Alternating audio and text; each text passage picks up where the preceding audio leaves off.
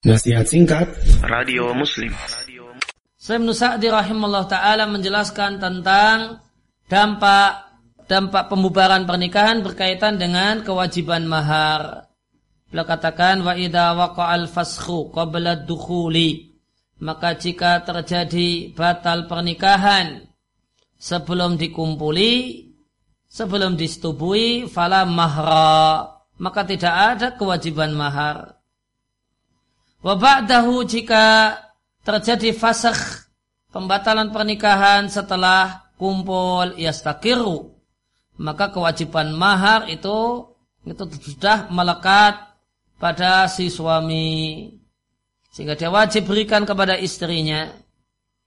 Dan jika hal ini terjadi karena ditipu dikesankan bahasanya istrinya sehat sempurna normal ternyata tidak maka wayarji uzzauju alaman gharahu.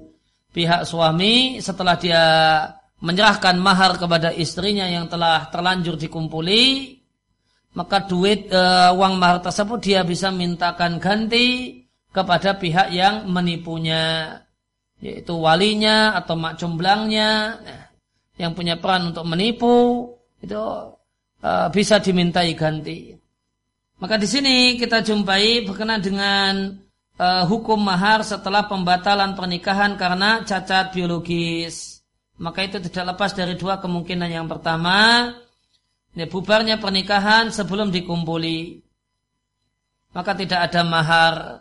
Baik yang membatalkan adalah pihak perempuan ataukah pihak laki-laki. Jika pembatalan itu dari pihak perempuan, maka pembatalan dari pihak perempuan, maka tentu saja pihak perempuan tidak punya hak atas mahar.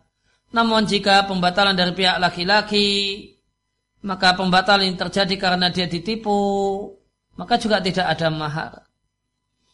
Namun jika bubarnya pernikahan setelah terjadinya malam pertama dan setelah dikumpuli, maka ya yastakiru, maka kewajiban mahar itu sudah melekat kepada si laki-laki dia wajib menyerahkan mahar sebagaimana yang disepakati dan telah dijanjikan kepada istrinya dan menjadi hak penuh istrinya kemudian dia bisa minta ganti kepada yang menipunya.